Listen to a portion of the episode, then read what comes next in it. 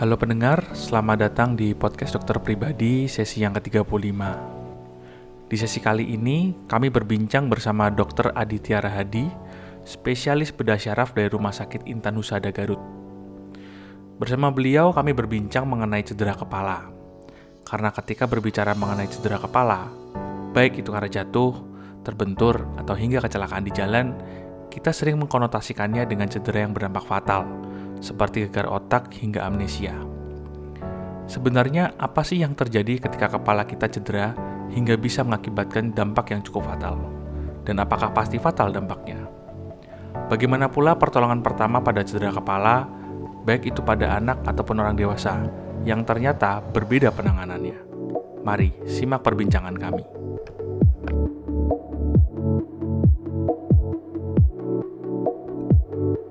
Oke, selamat pagi Dokter Aditya. Selamat pagi Didi. Bagaimana kabarnya ini? Alhamdulillah baik. Bagaimana di sana? Baik, baik juga. Luar biasa. Kita di dokter pribadi bi luar biasa nih kabarnya ini. Terima kasih loh dok pertama-tama buat waktunya nyiapin. Iya sama-sama. Memberikan kesempatan pagi-pagi ini kita sharing-sharing nih dok. Mungkin kalau apa uh, buat pendengar kita nih yang belum belum kenal Dokter Aditya kan bisa sharing dikit Dokter Aditya nih uh, asal di mana, kemudian prakteknya ada di mana gitu. Oh iya. Hmm. Oke, okay, uh, saya Aditya Rahadi, uh, spesialis bedah syaraf. Saat ini saya prakteknya di Rumah Sakit Intan Husada di Garut. Terus juga nanti mungkin tahun depan akan membantu di RSUD Selamat Garut.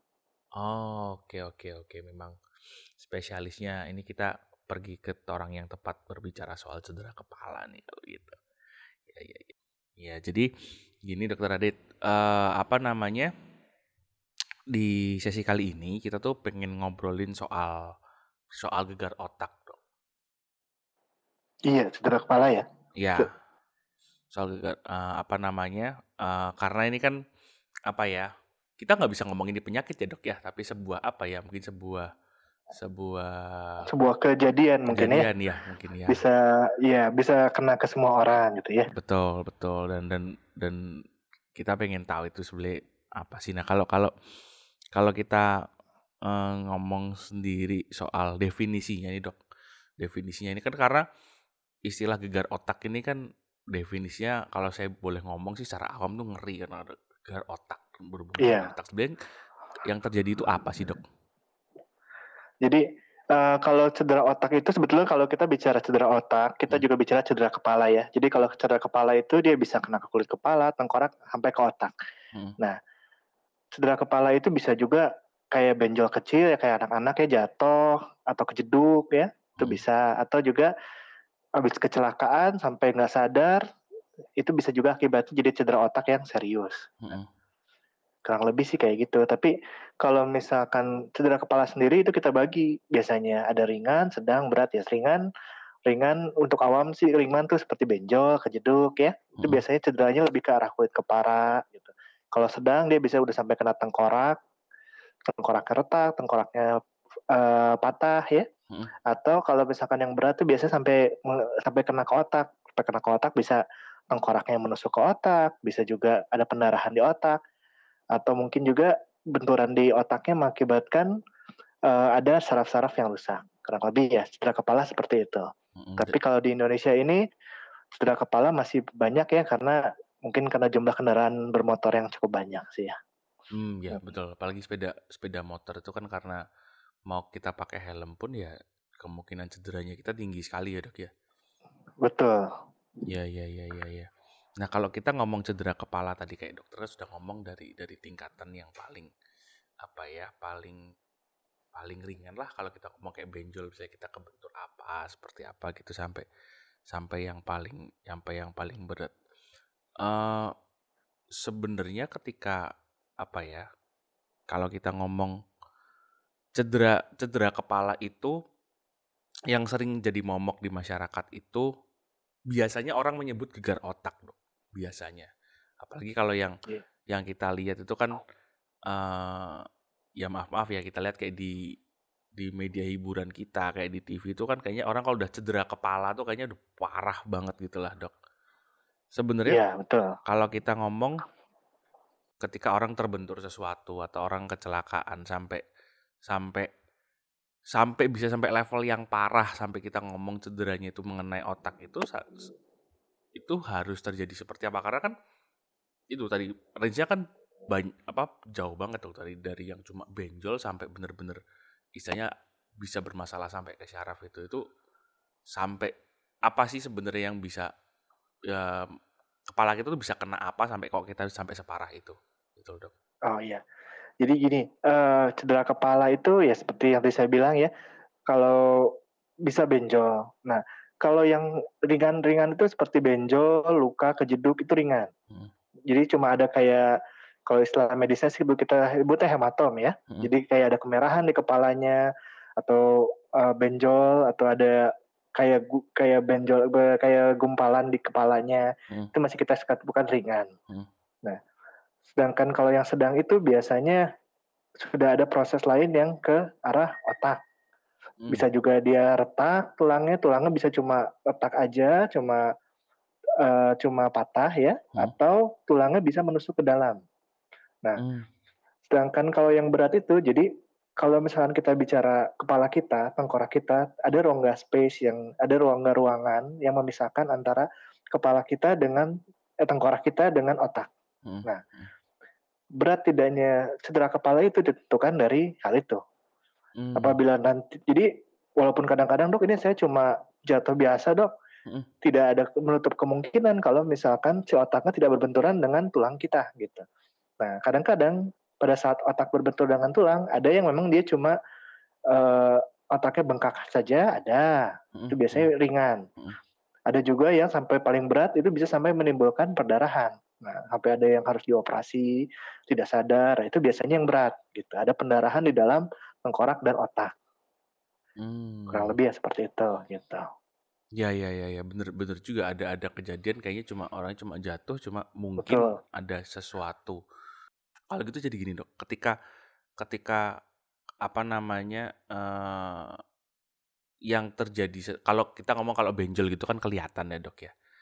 Betul. Terus atau misalnya, uh, apa Memar, luka memar, ya. luka kelihatan gitu. Nah, tapi ketika cedera ke cedera kepala itu ketika orang mengalami entah itu kecelakaan atau jatuh atau kebentur sesuatu uh, kita itu harus concern atau kita harus memperhatikan apa supaya kita nih istilahnya jaga-jaga nih sebenarnya uh, cedera yang dialami nih levelnya di mana nih ringan kah? Oh. Apa itu kita apa yang harus kita perhatikan dok? Ya sebetulnya kalau misalkan namanya kecelakaan di kepala ya, hmm. tetap kita mikirnya dari tingkat kesadarannya ya. Hmm. Ini orangnya sadar nggak setelah kecelakaan? Ada kan yang langsung bangun, ada juga yang dia nggak sadar dulu, ada yang nggak sadar terus. Hmm. Kayak kira lebih seperti itu ya. Hmm. Itu kita sebut uh, penilaian kesadaran. Kalau misalnya kita sebut kalau di trauma disebutnya dengan dinilai dengan Glasgow Coma Scale. Ada yang ringan, sedang, dan juga berat. Nah, uh, utamanya sih kita lihat dari sana. Kalau cedera kepala, ini hmm. orang sadar atau enggak gitu. Hmm. Kalau memang dia sudah tidak sadar, kalau dia memang ada penurunan kesadaran, sebaiknya langsung dibawa ke rumah sakit atau fasilitas medis yang terdekat untuk diberikan pertolongan yang pertama. Karena kadang ada yang sadar tapi dia sebetulnya nggak masalah, cuma kaget aja. Ada yang sadar, uh, ada yang tidak sadar tapi juga tidak ada masalah. Ada juga yang sadar tapi lama kelamaan ada proses yang terkumpul gitu. Jadi misalkan ada pendarahan yang dia nggak sadar itu biasanya kayak pada anak-anak. Kalau hmm. anak-anak itu biasanya dia gejalanya agak lambat munculnya karena otak dia masih bisa mengkompensasi dan tulangnya juga kan masih lentur tengkoraknya. Hmm, hmm, hmm. Jadi karena tulang tengkoraknya masih lentur, kadang kompensasinya masih lebih bagus dibandingkan orang dewasa.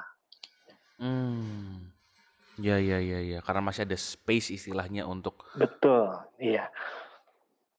Bahaya juga berarti kalau emang berarti emang makanya kenapa orang concernnya kalau sama anak-anak tuh cedera kepala dia nggak bahaya banget tuh karena itu ya dok ya karena kompensasi. Iya betul.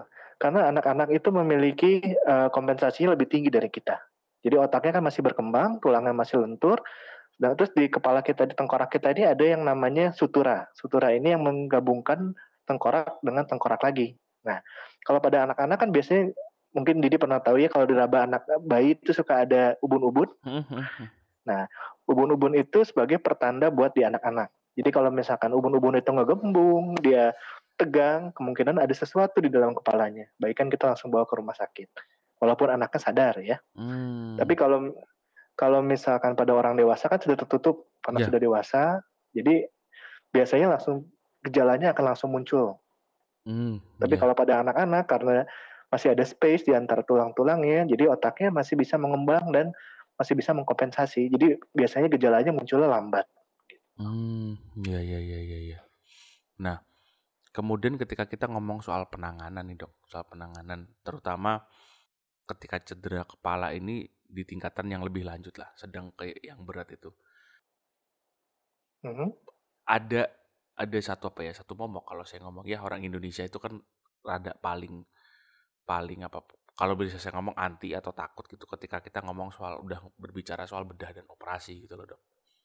Nah, oh iya. Ketika apakah cedera kepala ya kalau cedera kepala yang ringan-ringan jelas lah maksudnya kayak benjol kayak memar itu kan kita dengan mm-hmm. obat eksternal gitu kan memang orang sudah cukup paham gitu kan. Tapi ketika uh, levelnya ke yang sedang dan berat kayak tadi ada masalah dengan uh, tulang di tengkorak, kemudian ada problem juga di di ot sampai ke otak itu apakah memang harus pasti operasi dok?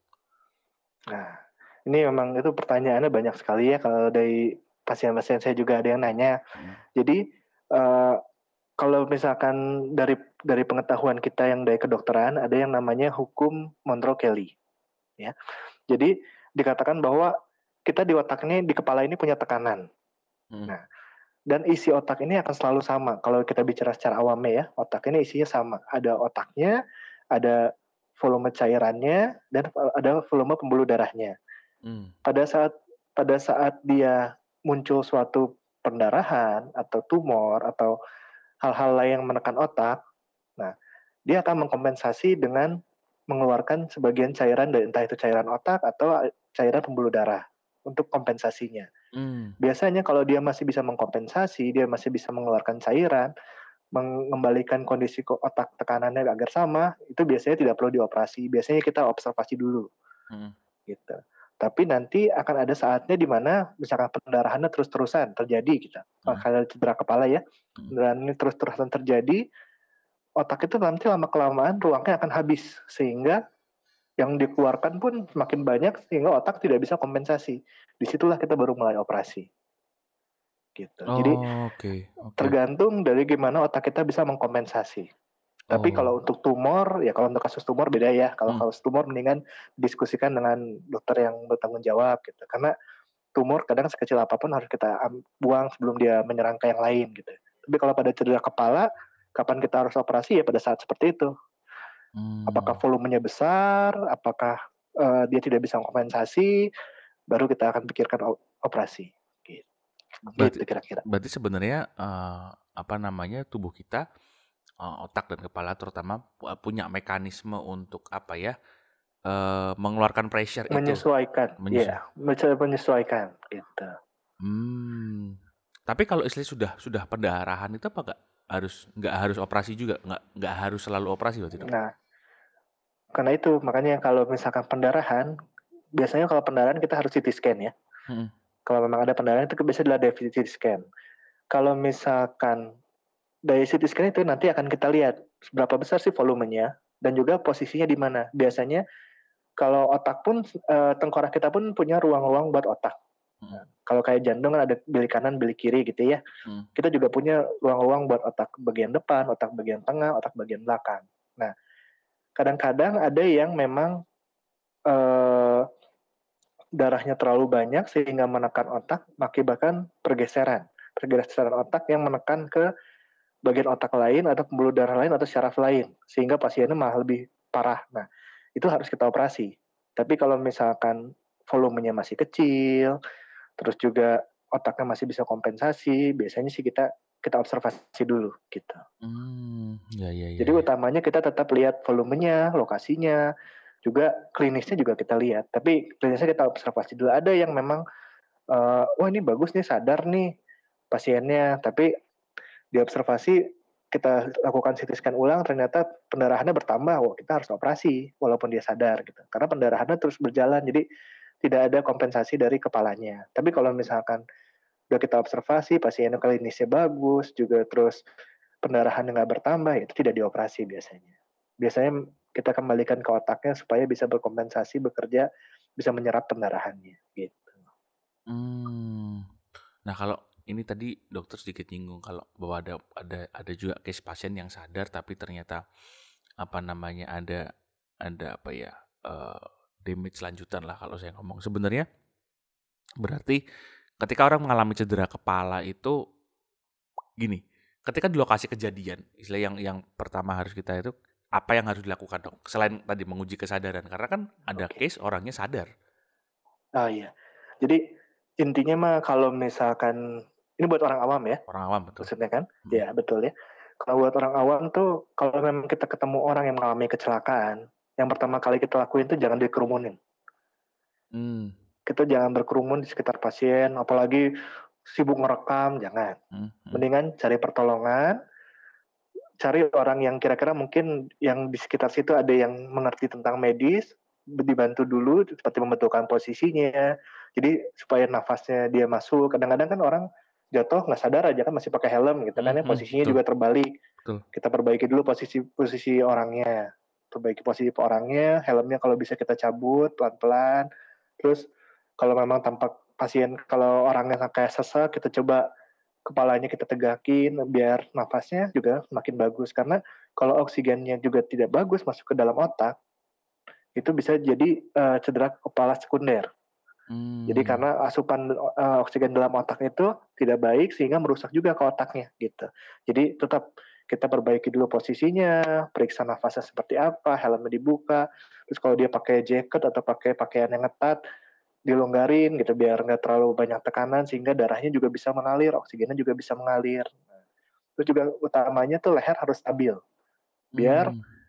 jalur nafasnya juga kejaga gitu sampai ada sambil sambil ada yang menghubungi tugas medis atau polisi buat cari bantuan kayak gitu. Hmm. Kalau bahkan pakai baju kemeja gitu, kemeja kita buka aja gitu. Ya, Tapi ya, ya kalau perempuan ya hati-hati juga ya. Iya iya iya iya. Ya. Gitu. Intinya berarti memang harus itu ya, uh, menjaga posisi kepala, menjaga asupan, posisi kepala, asupan oksigen, ya dan dan ya paling penting itu sih per, pertolongan, minta pertolongan, mencari pertolongan tenaga medis profesional lah kalau saya ngomongnya. Iya betul.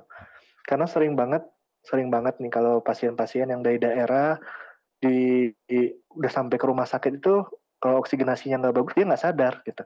Ya karena tekanan di otak kan tetap bertambah karena kurang oksigen itu bikin tekanan di otak juga meningkat. Oh gitu. begitu. Ya ya ya ya ya. Berarti oksigen itu pentingnya di ya ya karena otak cukup butuh banyak itu ya organ yang cukup besar kan ya dok sebenarnya otak itu ya. Betul, betul. Hmm, hmm.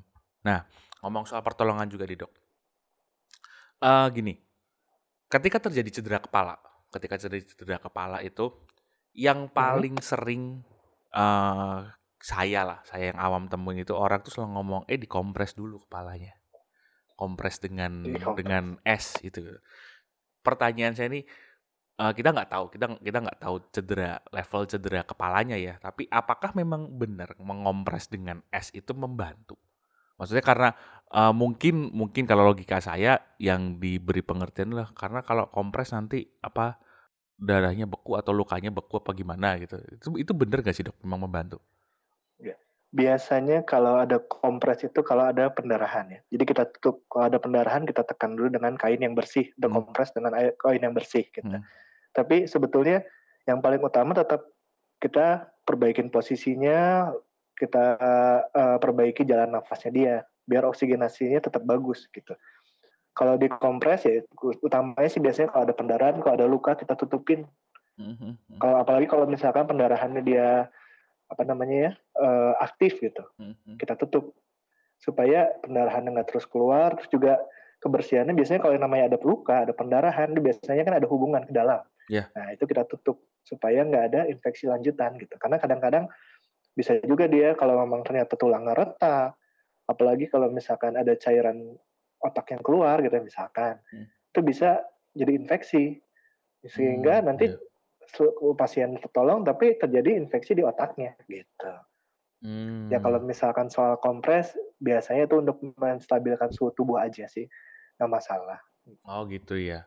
Ya karena Ya, kan tapi utamanya tetap membaiki jalan nafasnya sama posisinya. ya ya ya Gitu. karena kan yang kompres kebanyakan tuh yang yang terutama ketika cederanya ringan dok Mem- memar Hmm. atau benjol tuh kan biasanya anak-anak terus kompres dulu kompres Iya. dulu gitu kan Iya. Jadi itu kalau misalkan kayak benjol ringan dikasih kompres tuh biasanya kan karena ada proses yang namanya inflamasi ya. Jadi Hmm. kan biasanya lungkan dia kemerahan gitu. Hmm, hmm, Dikompres supaya si proses inflamasi itu menurun. Hmm. Kurang lebih seperti itu. Itu nggak terjadi di kepala aja, mungkin di perut atau kena Hmm. pukul ke mana, Hmm. itu bisa dikompres dulu dengan kompres dingin biasanya. Hmm, ya karena untuk apa namanya istilahnya mengcounter proses inflamasi Iya, pembengkakannya betul. itu. Buat mengonter pembengkakannya itu. Hmm, ya ya ya ya ya. Terus kayak ya ini kita berbicara karena karena di, di podcast ini kan kita lebih sering berbicara myth busting dok. Nah, salah satunya juga tuh kayak Mhm. ketika terjadi cedera kepala. Saya ya bahasa Indonesianya apa, cuma bahasanya kalau kalau di Jawa itu ngomongnya kalau ada cedera kepala tuh diuyak biar darahnya tuh nggak beku tuh juga apakah bener dok? Maksudnya lo, ya logikanya logikanya mungkin logikanya orang orang dulu ketika terjadi pendarahan atau jadi memar lah memar paling gampang. Itu terus disuruh di kayak ditekan-tekan gitu supaya supaya darahnya itu kayak nggak nggak beku gitu. Itu bener gak dok? Maksudnya apalagi terutama kalau ke anak-anak ini kan kita sering sering itu kalau Iya. Sebetulnya sih, sebetulnya kita kasih ya ke- ditutupin kompres gitu maksudnya ya. Mhm. Ya kompres itu sebetulnya ya buat mencegah inflamasinya aja sih sebetulnya. Gitu Karena ya. dia kan bengkak, iya betul. Jadi cuma kompres buat inflamasinya aja sehingga pembuluh darahnya juga kalau yang namanya proses inflamasi itu pembuluh darahnya kan sekitarnya membengkak.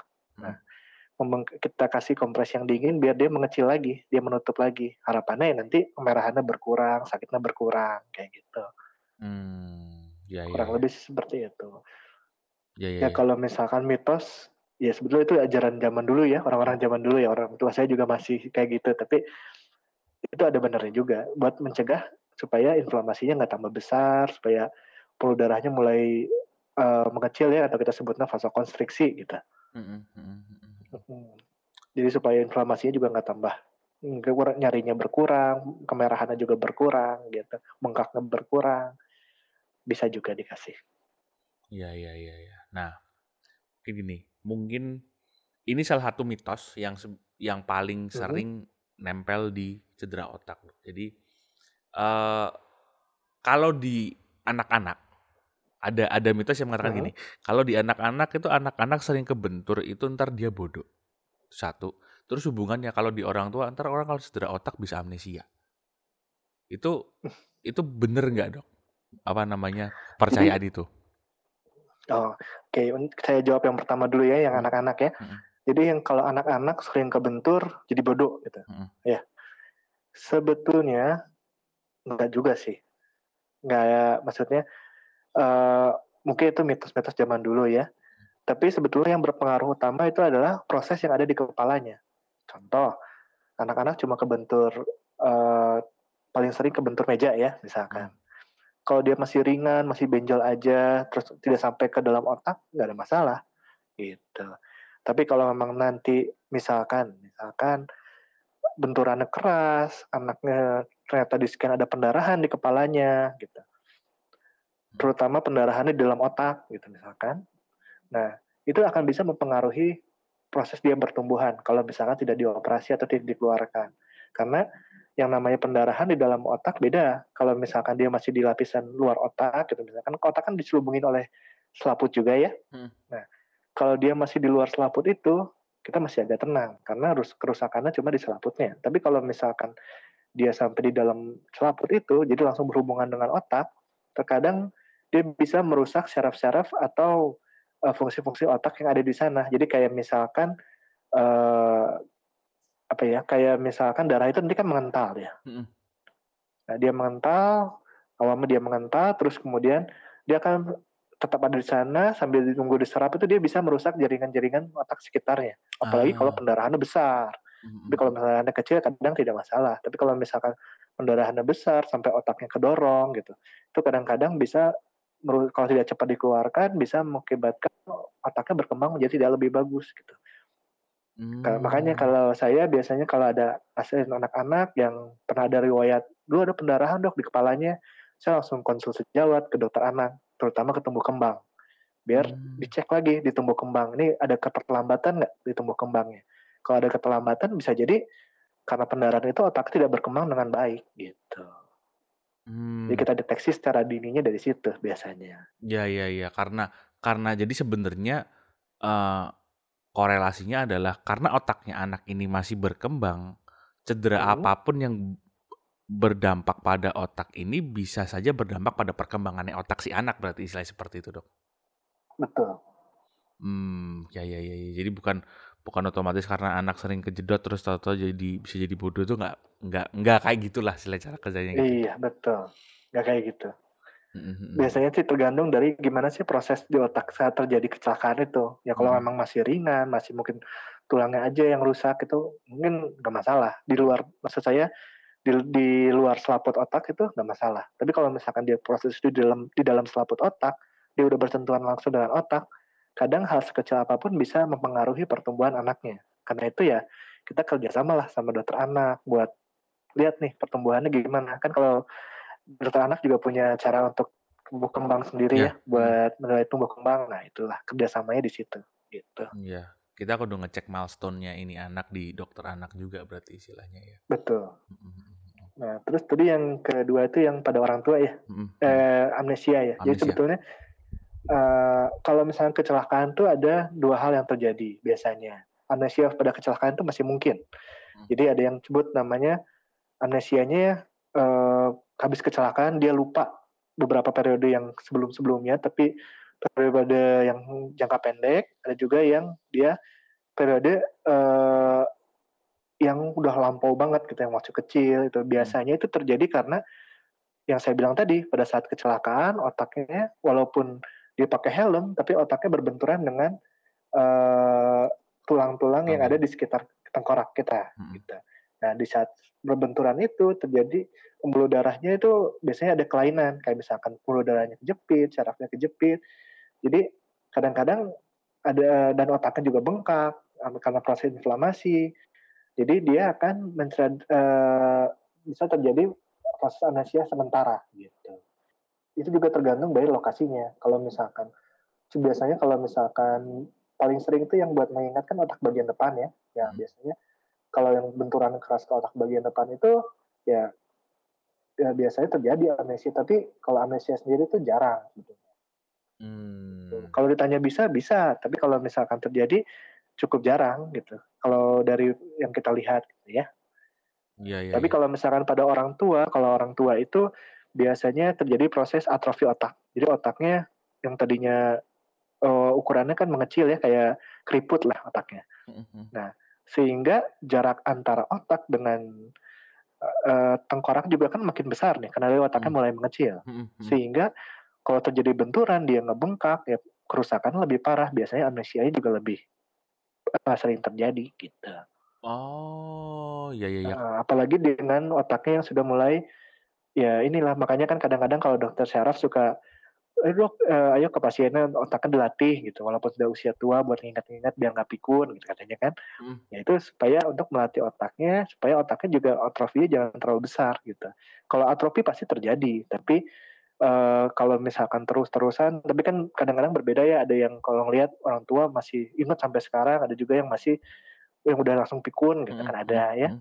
itu karena dari uh, proses dia sampai ke tuanya itu otaknya dilatih atau tidak gitu.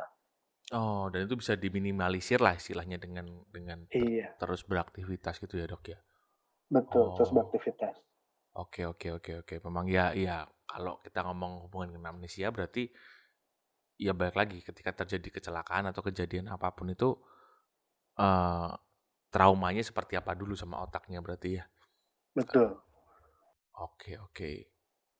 Uh, ya kalau saya sih untuk pertambahannya untuk yang pendengar mungkin kalau memang nggak ketemu pasien cedera kepala, apalagi kan kalau di Indonesia ini uh, pengendara motor banyak ya, terus hmm. juga Betul. sering banget yang ngelihat kalau misalkan orang naik motor nggak pakai helm, alasan hmm. dekat atau apa.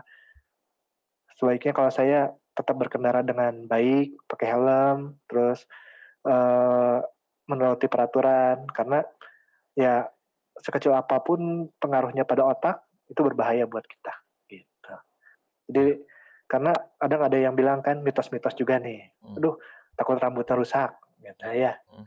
atau nggak keren gitu. Atau cuma dekat. Uh, kalau kata saya betul kata cuma dekat gitu kan ya. Tapi kalau kata saya mendingan dipakai karena kalau misalkan orang yang bilang nggak mau pakai helm takut rambutnya rusak, justru kalau misalkan harus dioperasi harus digundulin rambutnya. Iya, Terus iya, iya. Mau bilang apa namanya nggak mau pakai helm, ya, takut kelihatan bego. Ya, justru kalau misalkan terjadi pendarahan sampai harus dioperasi, kadang ada beberapa yang uh, otaknya udah rusak karena kelamaan, itu malah hmm. jadi bego, iya, gitu. Iya, iya. Malah jadi uh, apa ya? kayak amnesia, terus balik lagi ke masa kecil gitu. Jadi kan patuhi peraturan lah menggunakan helm gitu. Keamanan kita bersama juga. Sebenarnya. Untuk keamanan kita bersama juga. Ya, ya, ya, ya, ya. Oke, mungkin kira-kira begitu, Dokter Aditya. Siap. Terima kasih sekali untuk sharingnya sekali lagi. Iya, terima kasih banyak. Ini bagus sekali ya. Ada ada tempat buat sharing, mempelajari apa, mengajarkan orang-orang awam ya buat ini. Betul. Betul. Buat pengetahuan gitu ya. Mm-hmm. Semoga makin bisa berkembang lah. Amin, amin. Terima kasih, Dokter Aditya. Oke. Iya. Sampai ketemu lagi mungkin di sesi-sesi depan kalau kita nanti jangan bosan-bosan dikontak sama dokter pribadi kalau gitu dok. Siap. Oke oke. Oke terima kasih dokter Aditya. Terima kasih banyak. Untuk Anda yang ingin bertanya lebih lanjut mengenai topik sesi kali ini atau mengobrol dengan tim dokter di podcast dokter pribadi atau bahkan ingin menyampaikan saran mengenai topik-topik yang ingin dibahas di sesi-sesi selanjutnya, sapa kami di Instagram karena sekarang podcast dokter pribadi punya akun Instagram di @dokter.pribadi.official. Sekali lagi akun Instagram kami ada di @dokter.pribadi.official.